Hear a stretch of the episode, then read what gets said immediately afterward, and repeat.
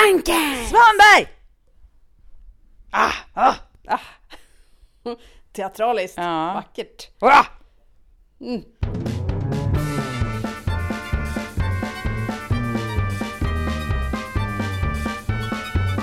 Hur mås det? Jo, det är fint tack.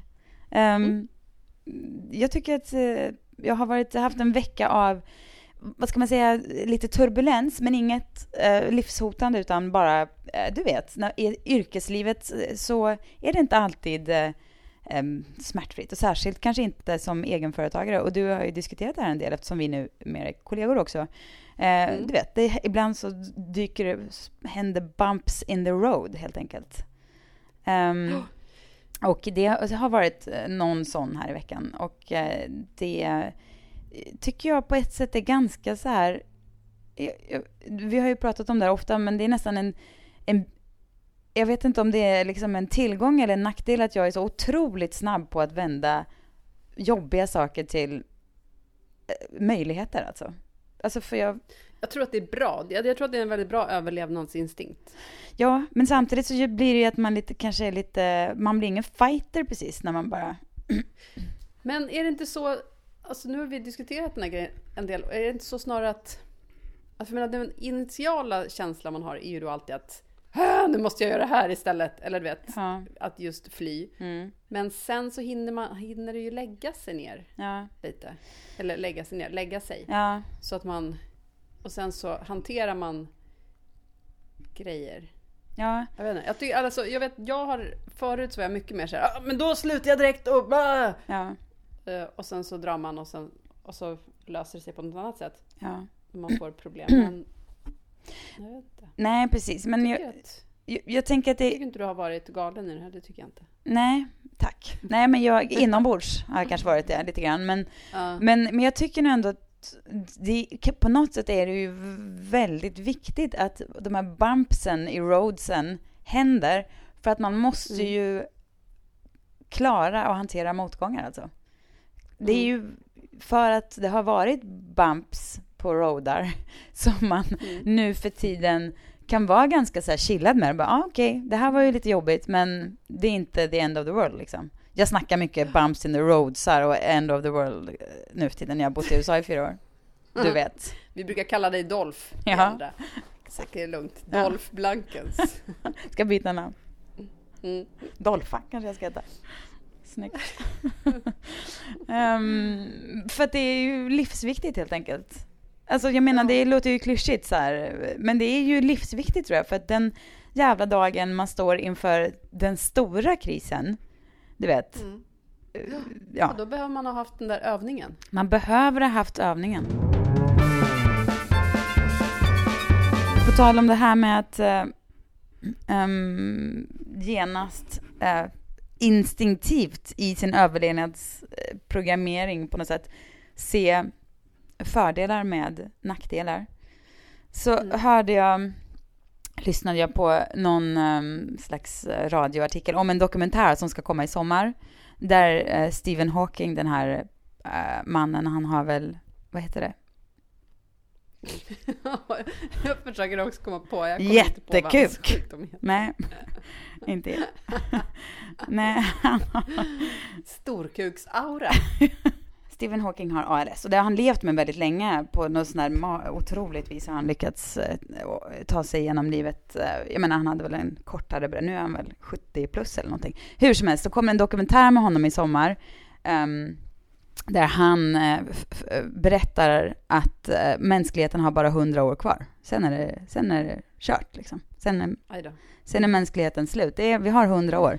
Menar han, men han är ju heller Ja. inte någon... Måste ändå säga att jag känner mig trygg då att, för att där, där tar ju mitt, min oro slut. Att jag vill att mina barn ska få växa upp och jag vill att deras barn Jo, ska få växa upp. men du får ju tänka Längre än så kan jag inte riktigt oroa mig. Nej. Så att 100 år är då... Jo, fast du förstår ju att det är inte då hinner inte deras barn riktigt, men Nej. nästan. Och du får också förstå att det är ju inte så att 100 år på dagen går så här lalalaridiri och sen 100 år pang, utan det är ju 100 år, det kommer ju bli, alltså, det ju... Plus minus. Nej, men de sista 50 åren innan det kommer vara ett helvete av vidriga sjukdomar som tar över Ja, det är världen. Alltså det är ju inte så att det bara går från ljuvligt... Handmaid's tale. Exakt. Mm. Utan det kommer vara, det kommer vara ett helvete. Men som sagt, Stephen Hawking ska vi kanske, alltså det är klart vi ska ta honom på allvar, men, men han är ju heller inte, han är inte optimisten precis. Å andra sidan läste jag en artikel i LA Times igår om hur mänskligheten vill blocka forskarvetenskap som känns för jobbig. Då, det, det struntar man i, som till Mm. exempel klimatförändringar och så vidare. Eller ehm, hur man inför det liksom, högst realistiska jordbävningshotet som finns i LA, människor istället för att Mm. ladda och liksom utrusta sina hus så bara man di, di, di, di, stänger av den möjligheten. Därför att man gör så. Mm. Och det är väl lite samma med kanske hoten mot mänskligheten. Eh, hundra år då. Och eh, hundra år är ju väldigt lite i, jag menar, jordens historia med tanke på Mm. hur länge jorden har funnits och sådär. Så det är ju bara ett ögon, en Ja, ögonblinkning. ångest. Ja. Ja. Men då kan jag ändå känna så här, om det nu är hundra år, på något sätt, om man, då, ja, då är det väl bara att bränna på utav bara helvete då, på något sätt. Se till att göra något bra av det, förstår du? Jag känner mig inte så, Jaha. jag känner mig inte så förlamad av att, Okej, skräck. men då kan vi lika gärna börja miljöförstöra. Nej, jag bara För att slänga det är skräp i ändå bara naturen. hundra år kvar. Nej. Skitsamma, jag slänger metallburkarna i soporna. Nej, men jag menar, se Mhm. till att vara liksom bara inte slösa bort det med att och må som ett, som ett as, utan bara okej, nu vet vi Mm. så här, nu har vi fått det här en, nu är det ju inte så, nu ska vi inte, för jag menar det är Stephen Hawking och som sagt han, han är en gammal gubbe med eh, en väldigt så här, dystopisk eh, syn på, på mänskligheten och jorden och sådär. Men ändå, det kanske han Mm. kanske har sant, han kanske har rätt. Och då, då är det väl kanske, då finns det ju ingen mening med att inte bara liksom maxa. Lev som om ingen morgondag fanns, för det finns ingen morgondag. Jo, då menar jag inte Ja. på att vi ska vara slarviga, för det kan ju finnas Mm, den, Blanken Svanberg, den positiva podden. Nej, men jag menar att nej, vi, ska ju förstås utnyttja alla chanser och bara vända det där då. Vilket om man får med Ja. hela gänget på tåget så bara, då går det ju. Det är ju bara, det är klart att det går att ändra. Alltså det finns, att det finns en chans, det finns alltid en chans. Och den ska vi utnyttja, men om chansen inte skulle kunna utnyttjas, då ska vi inte slösa bort den sista tiden med att, att gå runt och, och ha ångest och vara livrädda, utan då måste vi bara försöka bara ösa kärlek över varandra och bara njuta maximalt in i det sista. Liksom. Inte ens den här dödsdomen kan knäcka mig. Nu bygger jag ett eget rymdskepp och åker iväg. Ja. Nej, men det här med att dra till Mars, det känns faktiskt inte som ett alternativ för mig. Jag skulle inte, så desperat är jag inte att liksom överleva. Att min släkt ska överleva. Eller? Nej. Känner du dig sugen på att Alltså jag... hänga på Elon Så Musk? fanns, fanns möjligheten så skulle jag väl kanske börja fundera, fast det känns väldigt bortkastat om jag skulle börja fundera nu på, ah, vill jag åka till Mars eller vill jag inte åka till Mars? Alltså det känns som att det finns andra grejer jag ska fundera på istället i nuläget. Nej, men då är du inte tillräckligt sugen. Förresten, såg du förresten, jag skickade precis en film till dig Mhm. på eh, Shaquille O'Neals fot. En film på Shaquille O'Neals fot. Ja, du kanske inte hann se den. Om du kollar snabbt på, din, på dina mess så kan Ja. du se det. Okej. För jag satt nämligen just och jag... Men du vet, nu har det ju precis, nu har det blivit varmt äntligen. Det snöar ju inte längre i Sverige utan det är ju varmt va? Mm. Och man sätter på sig sina sandaler. Och eh, jag har hela vintern haft, du vet, man, ibland så bara, ah, okej nu ska jag smörja in fötterna för att nu, alltså det ska inte skrapa om mig när jag lägger mig i sängen. Nej, ja. Ehm, Du vill inte vara bara, liksom äh, ett levande sandpapper. Alltså du skulle kunna Nej inte vara att du precis, kan... ja, men en sån där, som- det är inte så att om jag, vi ska servera morötter så ska man ta fram min fot och häl, använda hälen och liksom riva morötterna på. När man ska fixa i ordning utemöblerna för sommaren, det är inte så att du bara släpper ut Johanna och så springer några varv över Precis. stolarna och det är Att jag jobbar extra på så här barnens skola som träslöjdsassistent. slip. Ja, de slipar sina smörknivar på mina hälar. Vad äckligt. Bättre det än morötterna tycker jag i alla fall. Jag vet inte. Ja, i alla fall. Ja, men du, så då kan man ha liksom dåligt samvete där för att, eller skämmas lite för fula fötter. Ja, nej men min, fast Jag mina ju- fötter kommer slå dina fötter alla dagar i veckan, för det finns, mina fötter Nej, är... det vet jag inte om de gör nu. Jag vet att dina är väldigt torra, men mina är väldigt torra de är, ska du veta. Ehm, och jag måste hantera det här på något sätt. Ja. Men sen blir det också, du vet, och så kan jag ha panik för, för att jag har kompisar som har opererat så här hallux valgus knölar. Gud förlåt nu om det är folk som har lite fotfobi eh, fobi här. Mm. Eh, I alla fall, du vet såna här hallux valgus knölar Mm. på fötterna. Mm. Mm. Och jag har sån panik att jag ska behöva göra det, för tanken på sånt eh, skrämmer mig. Mm. Och nu har jag precis en kompis som har precis opererat ja, sin fot för någonting annat. Och först så var det allting jättebra och sen så plötsligt blev det någon infektion och hon får inte röra sig ur sängen typ. Oj då. Panik. Ehm, men sen, och nu så såg jag då plötsligt den här filmen på Shaquille O'Neals fötter. Och där kan vi snacka om missbildad. Du vet, hans tå, hans stortå är liksom helt vänd och vrid. Alltså han har ju väl haft på sig för mycket basketskor. Kan vi? Haft på sig för Jag vet inte mycket hur fötter blir basketskor. sådär. Jag vet inte, och det som jag hörde nu också när jag sa det här, att Men- man vet, du vet som Lill-Babs sägs det ju, hon har haft på sig högklackat så mycket att hon inte kan ha utan höga klackar nu. Nej. För att hennes, hennes muskler har liksom ehm, formats av det där. Ja. Så hon måste ju ha högklackade sneakers om hon har det. Vet inte om det här stämmer, men det är vad jag har hört. Nej men det kan stämma för att när jag jobbade i hemtjänsten på Östermalm när jag var 20, då jobbade jag hos en tant och man fick knyta på henne klackskor på nätterna till pyjamasen när hon skulle upp och kissa för att hon klarar inte att gå utan, utan, eh, ja, i tofflor eller någonting. Utan man fick knyta på sådana här små kängor, små booties med klackar. För att hon ska kunna Ja. ta sig upp. Ja. Så det, kan, det stämmer säkert med Lill-Babs. Jag har ett Ja. till Jo, men exempel. då, då tror man ju att gympadojor åtminstone ska vara bra för fötterna. Ja, Men när jag såg Shaquille O'Neals, alltså tilltrasade små, eller små var de ju inte, men du vet man tänkte lite hur geishorna skulle binda sina fötter Ja. för att de inte skulle bli större än typ en treårings. fötterna är ju liksom känsliga. Det är ett, det är ett jävla känsligt Mm. kapitel alltså. De är ju, jag har ju utvecklat, jag vet inte hur det ska gå den dagen vi flyttar tillbaka till Sverige, men jag har ju utvecklat att jag får kramp i min vänsterfot när jag em, har på mig liksom skor helt enkelt. Du är Jättejobbigt. som Lill-Babs fast på ett annat sätt. Ja, ja faktiskt, för det händer liksom inte i Och klackar då, så, så. så fort du har på dig täckta skor, Ja, kängor och alltså, sånt. Då får foten är helt täckt. ja, då får jag kramp. Jag kan ha sneakers och jag ha, kan ha sandaler. Eh, men andra Mm. skor, det händer inte direkt, men efter en hel dag så kan det bli så här, "Ah!" då måste jag bara kasta av mig skon och väd- flexa tårna liksom. De, de känner sig instängda. Ni bryr er väl inte heller om det? Ingen som tycker synd om dig för att du bor i LA, det kan jag säga dig. Jaså? Det ska jag nej, säga nej. dig direkt. Jaha. Ja, förutom det här med jordbävningshotet då. Som inte är Ja. ett om utan ett när. Ja, det, ja, det är det ju verkligen. Det läste jag också om i den där artikeln, att det är liksom Mm. förödande att man har sagt så här, risken är si och så mycket. Man bara, det finns ingen risken, är- det kommer hända, eh, såklart. Den Mm. stora kommer hända, men man vet inte när. Men däremot behöver det ju inte betyda att hela, att, jag menar, att livet är kört för det. Det behöver inte betyda Mm. döden för mig och min familj, nödvändigtvis. Det kan ju betyda att det blir lite trassligt någon vecka eller två eller tre med elförsörjning och så vidare. Och att ens hus kanske blir lite skadat. Men det behöver inte betyda att hela...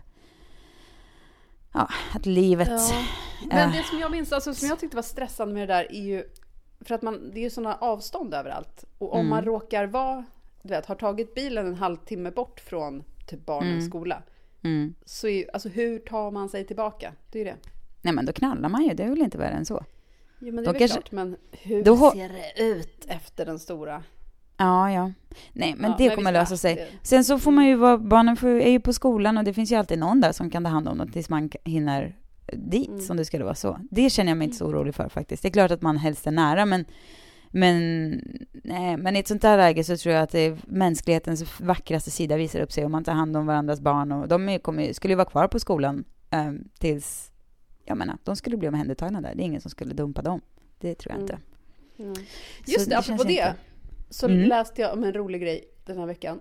Ehm, att Hollands kung Mhm. har extra knäckat som pilot, alltså för vanliga flyg, flygningar Jaha. de senaste 20 åren. Va? Är det sant? Ja. Men han I har då- smyg, han har eller ja i smyg. Han har liksom aldrig, passagerarna har ju aldrig vetat att det är han som kör dem. Nej. Jag vet inte varför de gick ut med det nu, men det är kanske för att de skulle, för de skulle sluta med de planen som han har flugit, så han måste nu uppdatera sitt flygkunnande så att han kan fort- fortsätta flyga. Jaha. Men han flyger aldrig långa sträckor för att om hans land behöver honom så kan han inte ha du vet, tagit sig för långt bort i världen. som flyger typ bara ja, men inrikes. Sånt. Kan man flyga ens inrikes i Holland? Det Ja, måste ju vara väldigt litet. tveksamt. Ja, ja, men han flyger bara kort. Ja, men vad spännande. Undrar vad man själv eh, skulle kunna... Jag, jag har tänkt lite på sista tiden, inspirerad av Hyperloop-föräldrarna som jag har pratat om i ett tidigare poddavsnitt. De här som em, utvecklar framtidens t- farkoster. Transportsätt. Transport, ja, farkost. precis. Ja. N- Som dras på ett eh, otroligt miljövänligt vis med magneter och eh, med väldig hastighet och sådär. Mm. Eh, som ger mig så mycket hopp inför framtiden. D- jag känner att skulle jag börja om nu, vilket jag i och för sig skulle kunna göra, herregud, jag har ju hela livet kvar. Mm. Eh, så skulle jag faktiskt, alltså jag skulle vilja jobba med, eh, det här är inte, det låter ju eh, eh, som att jag blivit väldigt inspirerad av Hyperloop-människorna, men det är faktiskt, jag har i, i hela mitt liv haft Du ett jobba väl- med magneter! Ja. Nej?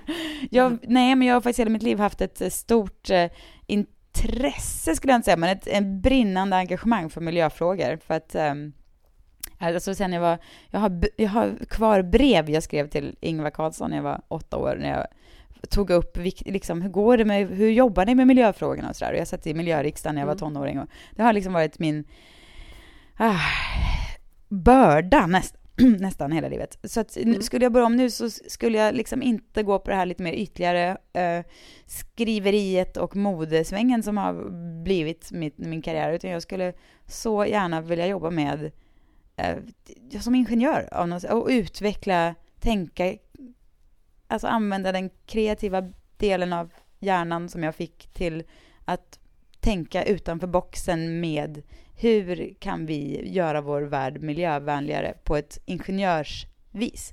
Så det Mm. skulle kanske vara så här, det avslöjar sig att så här, ingen jämförelse med Hollands kung, men det avslöjar sig att Cecilia Blankens, ni trodde hon var skodesigner, det visar sig, hon har utvecklat ett helt nytt miljövänligt system att transportera sig. Det skulle jag ju i och för sig, det skulle inte vara något att skämmas över. Nej, det skulle Om jag lyckades med det. Vad skulle du göra om du skulle börja om? Gud, det var länge sedan jag tänkte på det nu. Men... Och gud vad jag plötsligt kände att allt som jag skulle säga, för plötsligt, jag tittade på någon växt som jag planterade bara, kanske skulle jobba med trädgård.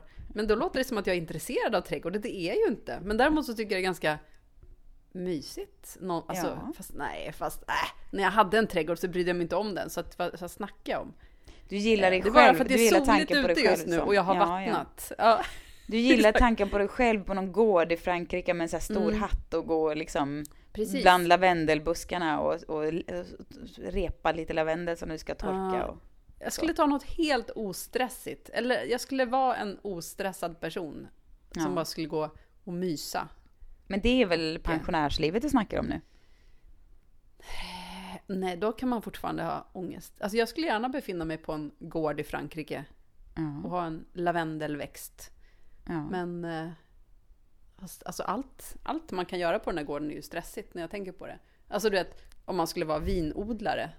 Du skulle gå skulle runt och irra runt, stressa runt bland, bland dina plantor. Titta på och, oliverna. Oj, oj, oj, nu blir det för lite oliver igen.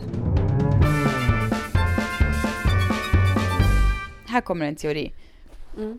Du, du vet, man jämför självmordsraten i västvärlden och i ett, eh, delar av världen där det är, eh, ja, vad ska man säga, där livet är betydligt Där det svårare finns riktiga egentligen. problem. Ja, Ja. precis. Så är det ju löjligt alltså. Jag menar, Mm. man tänker så här, i ett land eh, som, eh, ska vi eh, dra till med, eh, vi drar till med Kenya.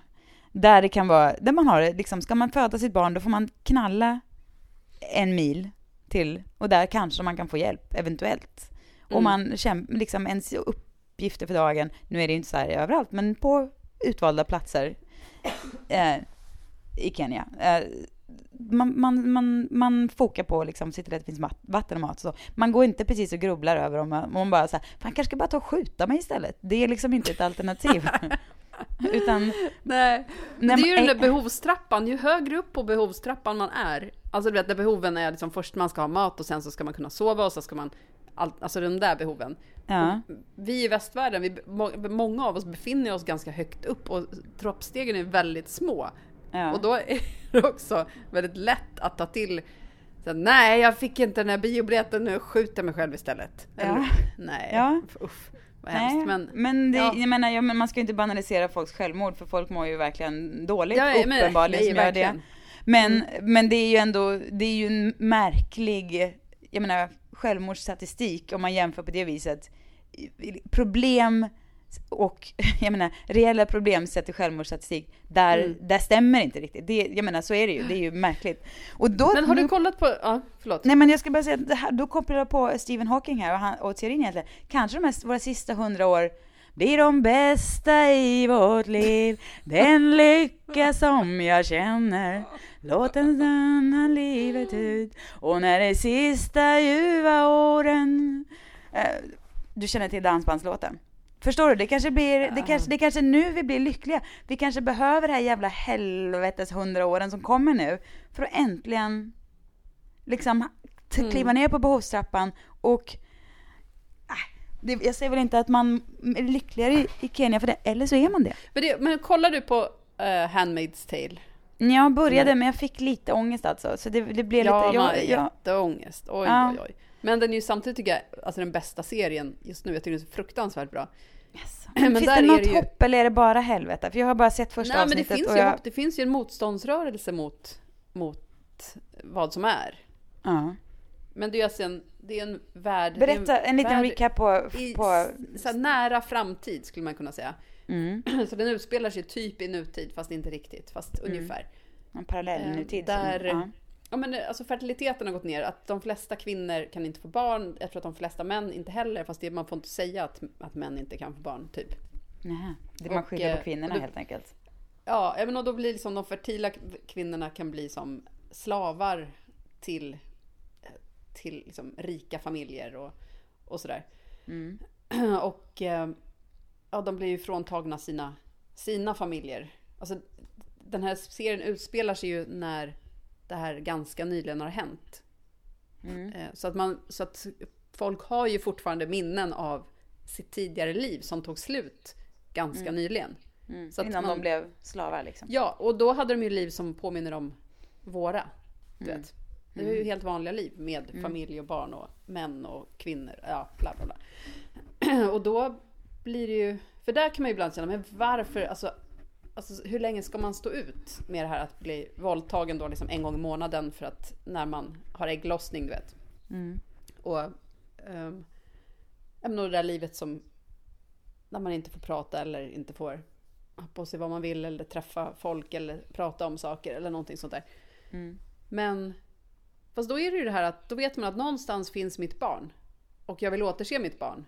Ja. Hur jag ska, måste leva vidare för att eventuellt någon gång kunna, du vet. Uh, ja. Att det, det blir en helt annan... ehm, ja, och då har man ju något att leva för. Då kan man ju inte bara Nej. lämna det. Nej. Precis. Alltså jag menar, och samtidigt, alltså det finns ju deprimerade personer i, i våran nutid, alltså verklighet, som har barn och som inte känner att de vill leva mer. Så det är såklart inte så enkelt heller alltid. Nej. Bara... Men det är därför jag Ja, tänker på när jag, när jag hade min lilla eh, kris här i veckan, vilket verkligen var av ilands natur. Men det här, alltså det var inte en personlig kris, utan det var mer så här ett jobbtrassel då. Som man kan bli lite Mm. sänkt av, som vi inledde med att prata om. Mm. Då hade jag, gick jag och barnen ut på kvällen och eh, Per anslöt och vi var ute i parken och vi hängde och sådär. Och man bara... Så det är ju verkligen så. På tal om, menar ångesten i så här den här Handmaid's Tale-serien Mm. Mm. är ju kanske, för mig i alla fall, separation, alltså tanken på att någon ska ta en ifrån det som betyder mest. Det är ju, alltså Mm. sjukdomar, helvete, ja det känns inte lockande, men får man vara i det där med de som man behöver ha runt sig, så känns det ändå liksom, jag menar man kan förlora mycket, man kan förlora allt, men, man, men så länge man får vara med de personerna man älskar så är det ju ändå på något sätt Mm. en hanterbar tanke. Och bli av med allt det, jag menar, lullet i ens värld. Jag menar, husen, Ja. bilarna, kläderna, eller vad det nu kan vara liksom. Mm. Och det är därför jag kanske Jo, inte riktigt kan se den där serien, för det blir ju... Jag kan inte somna med den känslan. Jag, kan, jag, brukar, man, jag tittar alltid på serier innan man går och lägger sig. Och sen, då kan, jag kan inte somna Mm. med känslan och ha den här ångesten, bara, att vara, någon har tagit den ifrån sina barn. Det går inte. Jag hade en fruktansvärd mardröm senaste gången jag såg det. Men fy! Ja, men man var jagad och äh, det var hemskt. Nej, men då, då, då ska du inte titta på, då får du, då får du titta på, ta ett Bamse-avsnitt eller något efter för att mjuka Nej, upp men jag vet, det är det man måste göra. Man måste ju se någonting annat så att man inte har kvar ångesten. Det, nej. Och det är ju en sån lyx. Tänk att kunna slippa ångesten, att man bara har den ångesten. Där undrar man ju hur när ska det slå till? I och för sig, nu har vi den här hundra år kvar. Ja. ångesten, den kan man alltid Mm. ha. Oj, Ja, ja. den kan man. Det är Men så. Jag kommer inte, jag kommer inte köpa att det är så, utan jag känner istället, jag känner mig såhär, fan, nej, för det kommer hända så Mm. mycket bra saker. Det kommer, jag menar, Ja, men jag skulle jag- känna lite mer hopp om livet om bara om snart, alltså Donald Trump, hur länge kan han sitta kvar? Jag förstår inte hur det kan fungera så här faktiskt. jag måste säga att jag ändå blivit, han har ju varit på en utlands, han är, reser i, han reser omkring nu. Ja, Han är i Saudiarabien, Israel och träffat påven också. Eh, och så Mm. skulle han väl någon merstans innan det var dags att åka tillbaka. Och jag måste ändå säga att jag, jag, tyck, jag tycker att han har skött det bra. Jag tycker att han är... Nej, men- jo! Men jag tycker han är smart som försöker... du menar att han har lyckats ta sig mellan de olika länderna? Nej, men jag tycker han är smart som försöker förena, liksom, som inte liksom polariserar Saudiarabien. Alltså Saudiarabien är Äh, men skitland. det är ju samtidigt så att han, om han först ska liksom inte ta emot dem som flyr från olika länder och sen ska han sälja vapen för 100 miljarder dollar eller vad det var. Ja, jo men jag menar Jag såg han... senast idag någon liten film när han du vet, ska tränga sig fram när det är så massa vita powermän och så ska han tränga sig fram förbi, du vet, några. Han är ju vidrig. Ja, nej men klart han är vidrig. Men jag menar bara att Mm. det, alltså det finns ju en, det är ju, det är ju smart ändå att han liksom försöker, han har ändå ställt eh, krav på Israel att ska ni, eh, ska ni, ska vi tillsammans bekämpa eh, Irans kärn, kärnvapen och det som händer där, så får ni faktiskt eh, sk- skärpa er mot palestinierna. Och han har väl sagt lite samma sak till Saudiarabien, att nu får ni faktiskt eh, liksom sluta, bra- vi måste foka på liksom, terrorismen och det här. Och det är väl smart och inte liksom, nu ska vi se, ni tycker så, ni tycker så, utan bara, vi, vi hittar en, liksom en gemensam fiende, så går vi ihop och fokar på den istället. Det är väl Mm. taktiskt? Alltså jag kan inte tro att någonting som han gör är smart. Det är ju tyvärr så. Jag tror att han Nej. alltid har någon annan... Det har han Alltså, ju, om, om såklart han han någonsin gör någonting som är smart så är det någon annan som har sagt åt honom att göra det här. Fast ja, men det- är det, det- också... Nej, det alltså, tror jag jag absolut. har noll förtroende. Ja, nej men det har jag också förstås. Men jag menar, det är därför man ändå blir lite glad att det fanns, att det, jag menar att han, att han tog, gjorde en liten ny take på det där. Att han inte, att han bara, nej men jag kommer åka till både Saudiarabien och Jerusalem. För jag hörde, han åkte från, vad var det, Qatar? Qatar? Ah, nej, vad heter Saudiarabiens huvudstad? Jag minns inte. Han flög därifrån, nej Qatar är ett land, ah, skit, han flög från Saudiarabien tror jag, till eh, Jerusalem. Och det är en sträcka som aldrig någonsin har flugits förut. Alltså det finns ingen, det, därför att det är så, liksom ett så, vad ska man säga, o, det är så orimlig tanke att det skulle åka en jude till Saudi, eller den, den, trans, den sträckan har liksom aldrig flugits. Och det var väl Mm. ändå, jag menar, det är liksom, han är ju liksom lite Synd att det var en dum. idiot som flög den sträckan. då. Ja, men jag menar, jo men ibland kan ju så här, den här otroliga självbelåtna uppblåstheten bli till en fördel när man bara, ja, alltså man inte har respekt för saker, något. Då kan det ju också vara, de här länderna kanske behöver lite icke-respekt för att um, ja, sluta bete sig som de gör. Ah, ja, Ja. vi ska Här inte är ändå hylla ett varken exempel på Saudiarabien din eller tro. otroliga eh, positivitet. Ja. så, så eh, vet du, konstruktiv i, ditt, i din syn på saker och ting. Beundransvärt, ja. Dolph. Beundransvärt. Tack. Får jag säga, jag, nu säger jag det här bara för att jag verkligen, verkligen vill. Jag tänker Mm. att det är någon som lyssnar där ute måste ju känna någon som är marknadschef på Lumene. Det finska Ja.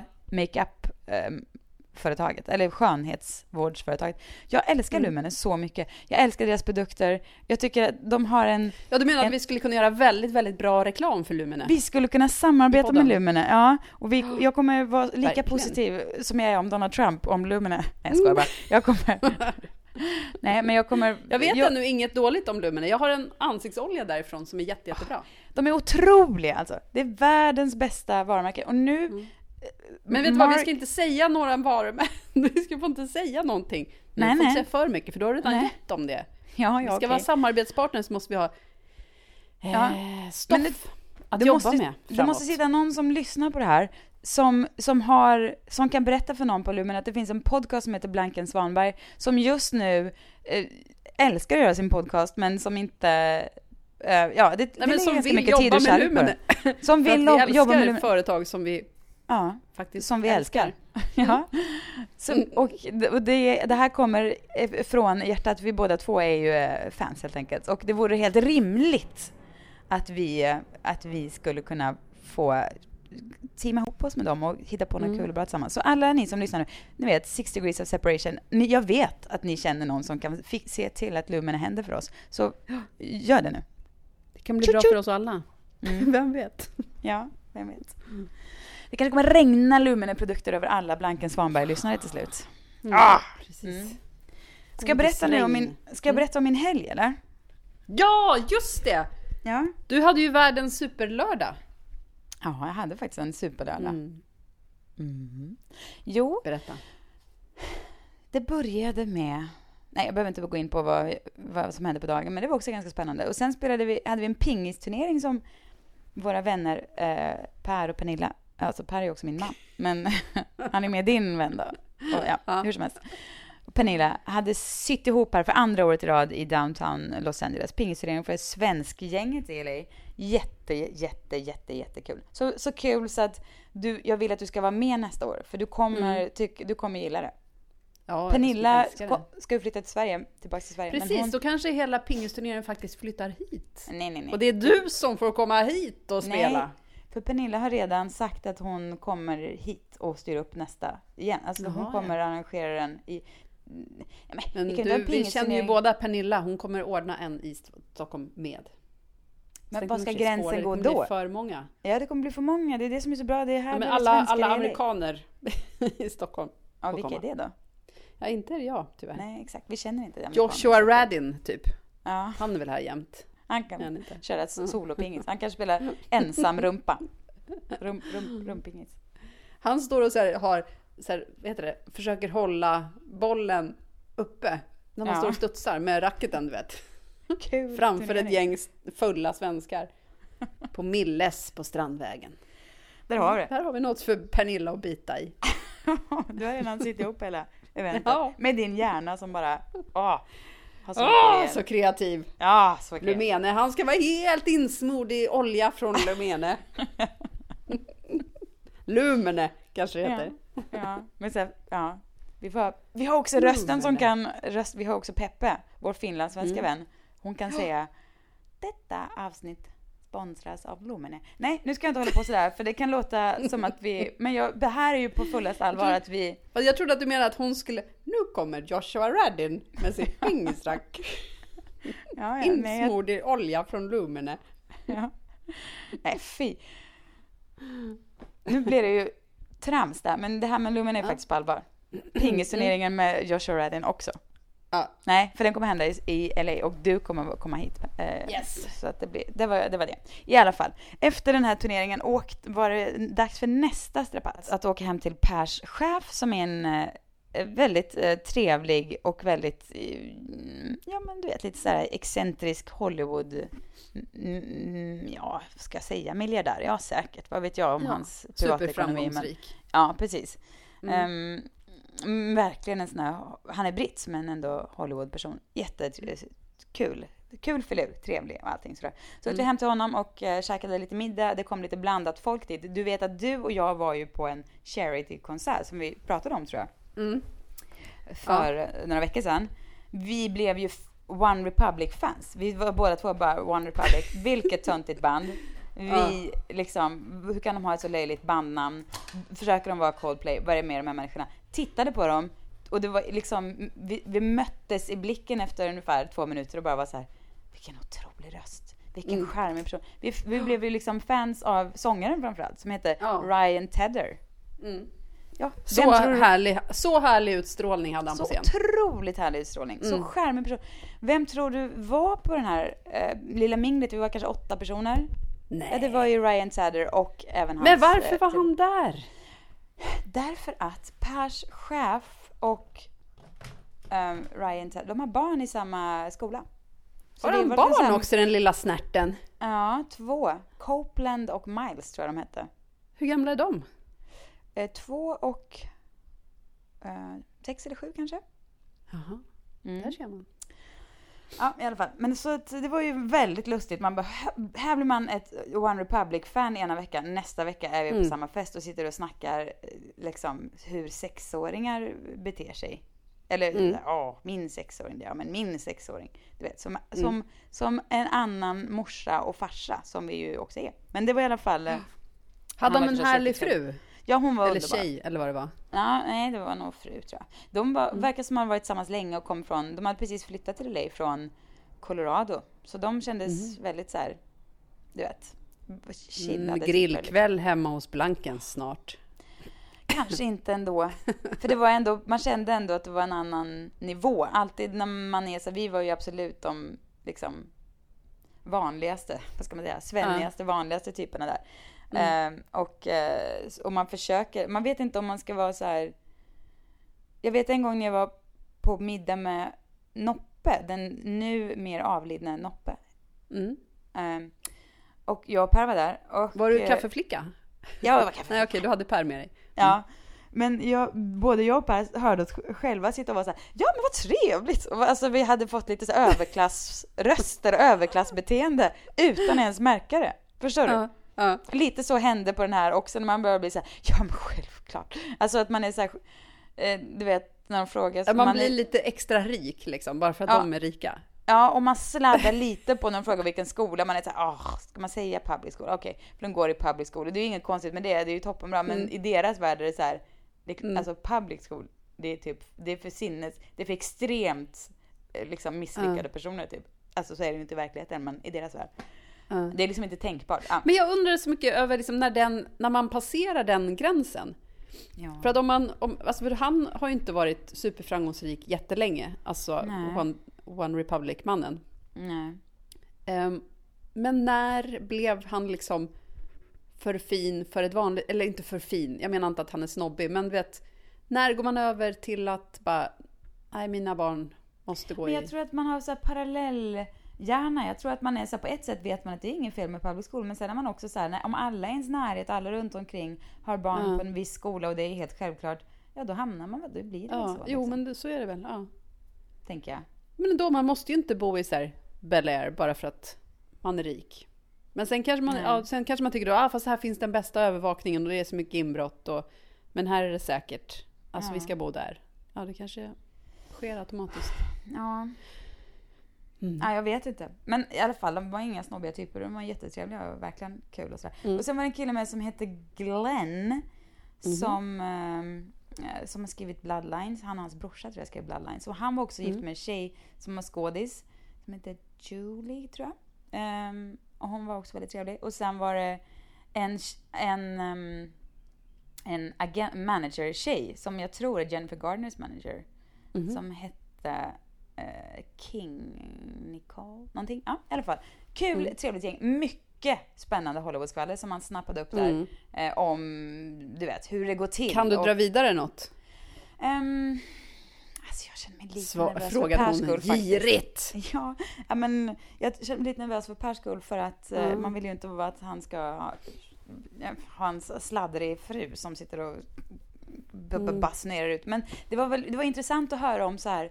Det De pratade mycket om hur det helt har förändrats. Att det för några år sedan så hade liksom artister när de skulle ehm, du vet, uppträda så var, hade de en så här rider med så här miljoner olika saker. Men att det var ju förstås aldrig deras initiativ utan det var ju mer Mm. managementet som har hittat på att det skulle vara sådär för att det skulle liksom inhysa en viss respekt Men att det Mm. nu för tiden har det ändrats helt. Att liksom, de som fortfarande håller på så och ska skriva Mm. liksom, olika långa kravlistor, de är så eh, liksom, fel ute och passé och så där håller man inte på nu för tiden för att det är liksom Mhm. Mm. the new times liksom. Mm. Och att vissa fortfarande, de, han, de nämnde så här, Tony Braxton som en person som hade haft så här sjuka grejer för sig och sådär. Och Mm. att, eh, ja, det, så, så gör man inte nu för tiden. Till exempel. Nej. Ja, det var faktiskt ganska mycket spännande, men det var kanske, man satt där med stora öron och lyssnade. Sen Ja. åkte vi vidare på YouTube-konsert och eh, det var underbart, även om jag inte kan hjälpa att jag står där med så här indränkt i så här ett lager av feminism och bara retar mig på att den lilla stompiga gubben står där med klackaskor och bara alla bara Wah! och man är så här du vet, ja det är jättebra. De körde var den här Joshua Tree 30 år sedan den skivan släpptes och nu var Mm. det liksom firades det och ehm, Alla var där dessutom, kunde man se Ja. om man följer folk på, jaha, på Instagram. Ja. Gwyneth var där till och med. Jaså. Ja, det var kul att se. Men Mm. jag, retar mig ändå på så här, är det rimligt? Mm. Du vet, gubb, gubbgänget Det så här och undrar man stompa jämt. på. Ja, Ja. det är typiskt ibland att man är feminist. Alltså det, förtar stämningen lite av såna här saker. Alltså jag, jag kan bara se en, Mm. en, en, en över, vad ska man säga, vad heter det, överprisad. Ja, Mm. precis. Men en liksom gubbastompare som man hade en tjej stått där hade det liksom inte varit, det hade inte varit samma jävla... Nej, men det är väl också det att alltså, den tidens sto, stora artister var killar. Ja. Ja. förutom du vet, ett fåtal Madonna och sådär. Ja, Men nu är det ju skillnad på det där. nu är det skillnad på det. Om 30 år kommer det ju vara Miley och Beyoncé och sådär som står och stompar. Ja, är det så? Man hoppas ju det. Jag är glad i alla fall att um, um, Katy Perry fick 25 miljoner tror jag för att kliva tillbaks till Idol. Mhm. Det är otroligt mycket pengar. Ja. Och Ryan Seacrest blev erbjuden typ en tiondel av vad han hade förra gången han var med. För alla pengarna gick till Katy Perry istället. Mhm. Mm. Så det var ju rätt, rättvisa skipan. Bra för henne.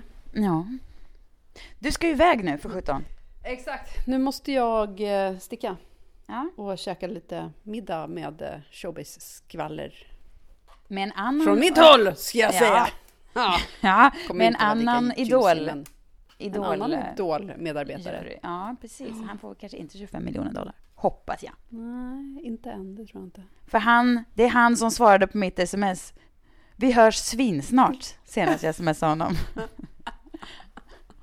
Just det. Ah! Det luddiga svaret. Det luddiga svaret. Japp. That's Okej, the men har du så kul i fredagskvällen då? Ja, men du, vet, eh, vi eh, hörs hörru. Ja, det gör vi. Tack för idag. Tack för idag. Hej, hej!